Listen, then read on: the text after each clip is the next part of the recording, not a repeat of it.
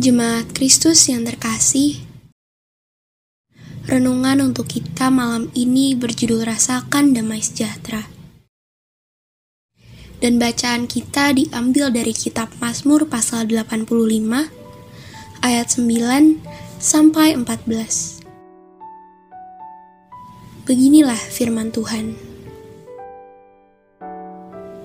Aku mau mendengar apa yang hendak difirmankan Allah, Tuhan. Bukankah ia hendak berbicara tentang damai kepada umatnya dan kepada orang-orang yang dikasihinya? Supaya jangan mereka kembali kepada kebodohan. Sesungguhnya keselamatan daripadanya dekat pada orang-orang yang takut akan dia, sehingga kemuliaan diam di negeri kita. Kasih dan kesetiaan akan bertemu. Keadilan dan damai sejahtera akan bercium-ciuman. Kesetiaan akan tumbuh dari bumi, dan keadilan akan menjenguk dari langit. Bahkan, Tuhan akan memberikan kebaikan, dan negeri kita akan memberi hasilnya. Keadilan akan berjalan di hadapannya dan akan membuat jejak kaki menjadi jalan.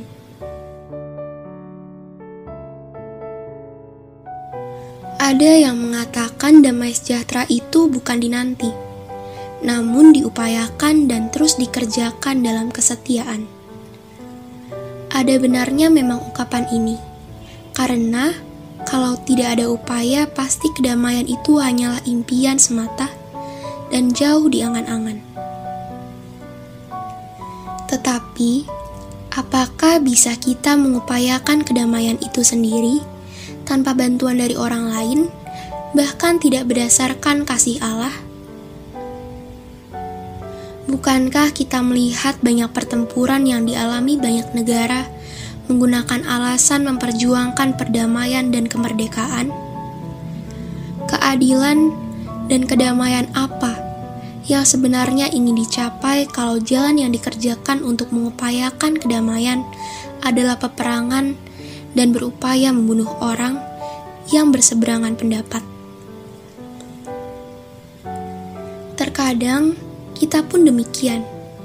Walaupun tidak sampai ke hal yang ekstrim seperti peperangan, kita memperjuangkan kedamaian bukan untuk semua orang atau dinikmati bersama tetapi hanya berbicara kedamaian untuk diri kita sendiri.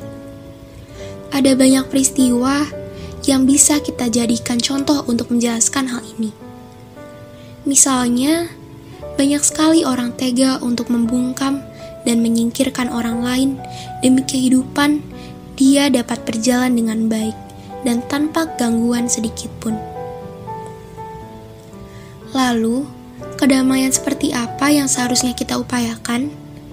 Satu-satunya kedamaian yang harus kita perjuangkan adalah perdamaian yang dikehendaki Allah. Dalam bacaan kita ditunjukkan bahwa Allah akan berbicara tentang kedamaian dan semua hal baik, saling berkait dan saling mengisi. Bahkan Allah akan memberkati setiap orang hanya satu yang terpenting untuk kita lakukan, yaitu takut kepada Allah dan tetaplah hidup berdasarkan apa yang dikehendaki Allah. Inilah satu-satunya cara agar damai sejahtera Allah dapat dirasakan tidak hanya oleh kita, dan juga bagi setiap orang yang berjumpa dengan kita, namun belum mengenal Allah. Hiduplah dalam kehendak Allah agar kita mampu hidup dalam damai sejahtera dan sekaligus membagikan kepada setiap orang yang kita jumpai.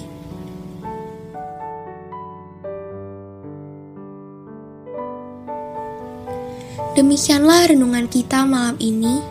Semoga damai sejahtera dari Tuhan Yesus Kristus tetap memenuhi hati dan pikiran kita. Amin. Jemaat yang terkasih, mari kita bersatu hati menaikkan pokok-pokok doa yang ada dalam gerakan doa 21 GKI Sarwa Indah. Mari berdoa.